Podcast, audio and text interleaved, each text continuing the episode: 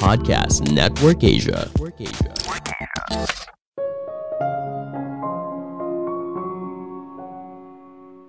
Ketika kita sibuk berusaha mendapatkan pengakuan dari orang lain, kita sedang membuat diri kita sendiri lelah dan pada akhirnya frustasi. Halo semuanya, nama saya Michael. Selamat datang di podcast saya, Sikutu Buku. Kali ini saya akan membahas soal fenomena people pleaser. Apakah kamu orang yang sulit menolak permintaan orang lain?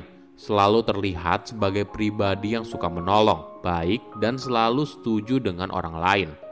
Jika iya, mungkin saja kamu termasuk dalam kategori people pleaser. Sekilas tidak ada yang salah, tentunya tidak masalah dong jadi orang yang ramah. Tapi perlu dicatat, people pleaser itu bukan hanya soal menjadi orang yang baik, tapi orang tersebut bersedia mengubah perilakunya demi memenuhi perasaan orang lain. Pada akhirnya, semua ini berpengaruh pada kesehatan mental seseorang. Sebelum kita mulai, buat kalian yang mau support podcast ini agar terus berkarya, caranya gampang banget. Kalian cukup klik follow. Dukungan kalian membantu banget supaya kita bisa rutin posting dan bersama-sama belajar di podcast ini.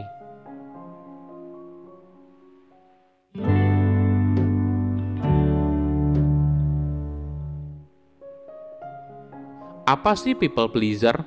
Jadi, seorang people pleaser adalah seorang yang terbiasa menaruh kepentingan orang lain di atas dirinya sendiri. Orang dengan tipe ini sering kali dilihat sebagai orang yang penurut, baik, suka membantu, dan sebagainya. Tapi sayangnya, jika dilakukan terus-menerus, hal ini malah berdampak buruk bagi kesehatan mental seseorang. Alasan seseorang menjadi people pleaser mungkin berasal dari interaksi sosialnya di awal Mungkin saja mereka dibesarkan dalam keluarga yang mencintai mereka dengan syarat. Misalnya, anak tersebut harus berusaha untuk memperoleh cinta dan perhatian orang tuanya, atau orang tua mereka tidak hadir secara emosional, atau juga orang tua mereka sering tidak ada. Alhasil, orang tersebut menjadi seorang yang butuh validasi dan penerimaan dari orang lain. Dia ingin dirinya diakui dan diterima oleh semua orang. Apa sih tanda seorang people pleaser? Apa bedanya orang yang baik dan orang yang tergolong people pleaser? Pertama, selalu setuju dengan orang lain. Banyak dari kita belajar untuk mendengarkan orang lain sebagai bagian dari keahlian sosial. Namun bukan berarti kamu harus selalu setuju. Kedua, meminta maaf pada hal yang bukan salahmu sendiri. Seorang people pleaser sering kali membuat diri mereka bertanggung jawab atas respon orang lain. Jika orang lain merasa tidak senang, kamu mungkin saja menyalahkan dirimu sendiri atau takut merasa kalau dirimu adalah masalahnya. Tentu saja tidak salah apabila kamu minta maaf ketika salah atau menyakiti orang lain. Tapi mungkin ada yang perlu dicari tahu. Jika kamu selalu minta maaf apalagi terhadap hal yang berada di luar kendali. Misalnya begini, Bos kamu meminta tolong kamu untuk memesankan makanan untuk makan siang satu tim. Nah, ketika makanan yang datang salah, kamu justru merasa tidak enak dan sangat bersalah. Padahal kamu sudah memesan dengan benar dan kesalahannya ada di pihak restoran. Ketiga, tidak bisa bilang tidak. Coba ingat, ketika orang lain minta tolong, apakah kamu selalu bilang iya? Atau kamu kesulitan untuk bilang tidak? Jika iya, mungkin saja kamu merupakan seorang people pleaser. Misalnya, ketika ada teman yang minta tolong, kamu merasa punya kewajiban untuk menolong. Padahal mungkin saja saat itu waktunya tidak memungkinkan atau kamu ada prioritas lain. Tapi kami sulit atau bahkan tidak bisa menolak karena takut kalau kamu dianggap malah tidak peduli dengan mereka. Keempat, mengubah perilaku tergantung lingkungan sekitar.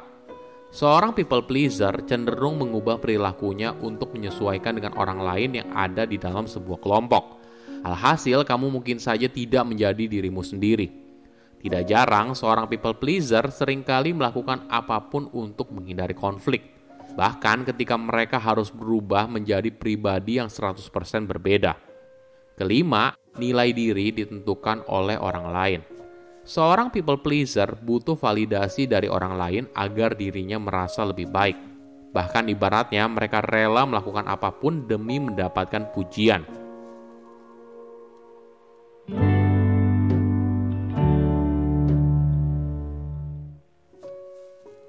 Perhatian dengan orang lain itu tidak salah. Ini merupakan salah satu aspek penting dalam membangun hubungan dengan orang lain. Tapi jika kamu terlalu banyak menghabiskan waktu membuat orang lain senang, maka mungkin saja kamu akan mengalami beberapa hal ini. Pertama, marah dan frustasi. Mungkin saja kamu menikmati aktivitas membantu orang lain, tapi mungkin saja kamu frustasi saat kamu sedang merasa ragu atau merasa kalau itu bukan tanggung jawab kamu. Perasaan ini akhirnya menjadi sebuah siklus yang beracun. Membantu orang lain, marah dengan mereka karena merasa diperdaya, lalu merasa menyesal atau bersalah kepada diri sendiri. Kedua, kehabisan energi.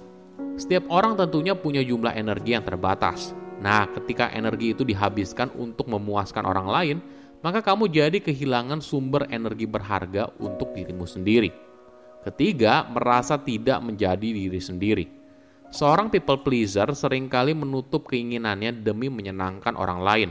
Alhasil, kamu mungkin merasa berpura-pura terus-menerus. Ingat, ada perbedaan besar antara menjadi orang baik dan seorang people pleaser. Seseorang melakukan hal baik untuk orang lain bisa karena berbagai alasan, misalnya untuk merasa dirinya sebagai orang baik, membalas kebaikan orang lain, atau berusaha mendapatkan hati orang lain, dan sebagainya.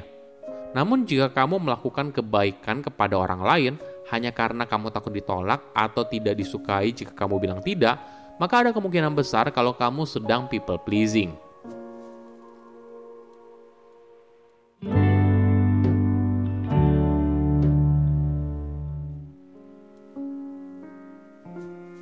Oke, sekarang mungkin kamu sadar kalau kamu cenderung merupakan people pleaser. Apa yang bisa kamu lakukan? Pertama, buat batasan. Penting untuk mengetahui batasan pribadi dan mengkomunikasikan hal tersebut. Jika kamu merasa kalau seorang meminta sesuatu secara berlebihan, maka kamu perlu memberitahu mereka kalau itu berada di luar batasan. Kamu pun juga bisa membuat batasan pribadi, misalnya tidak mengecek email atau chat dari kantor setelah pulang kerja hanya mengangkat telepon ketika situasi sedang penting, dan sebagainya. Kedua, mulai dari hal kecil. Membuat perubahan besar memang tidak mudah. Kamu perlu memulainya dari hal kecil. Bukan hanya bagi dirimu sendiri, tapi juga bagi orang lain di sekitarmu untuk menyesuaikan. Mulailah dengan bilang tidak pada permintaan kecil, cobalah untuk ungkapkan pendapatmu pribadi, atau minta orang lain membantu kamu Langkah kecil ini pelan-pelan akan mengubah kebiasaan sedikit demi sedikit. Ketiga, hubungan itu dua arah. Sebuah hubungan yang sehat tidak berat sebelah. Masing-masing pihak perlu berkontribusi saling memberi agar hubungan itu bertumbuh. Jadi, kalau kamu terus-menerus selalu berkorban, tentunya ini bukan hubungan yang sehat ya. Keempat, membantu hanya ketika kamu ingin. Berhenti menjadi people pleaser bukan artinya kita harus jadi seorang yang arogan dan egois. Tidak, tentunya kamu masih bisa jadi orang yang baik dan suka menolong. Namun hanya lakukan itu ketika kamu ingin. Dorongan itu harus ada dari dalam dirimu sendiri, bukan karena kamu takut ditolak atau ditinggal karena kamu tidak memberikan bantuan. Saya undur diri, jangan lupa follow podcast Sikutu Buku. Bye-bye.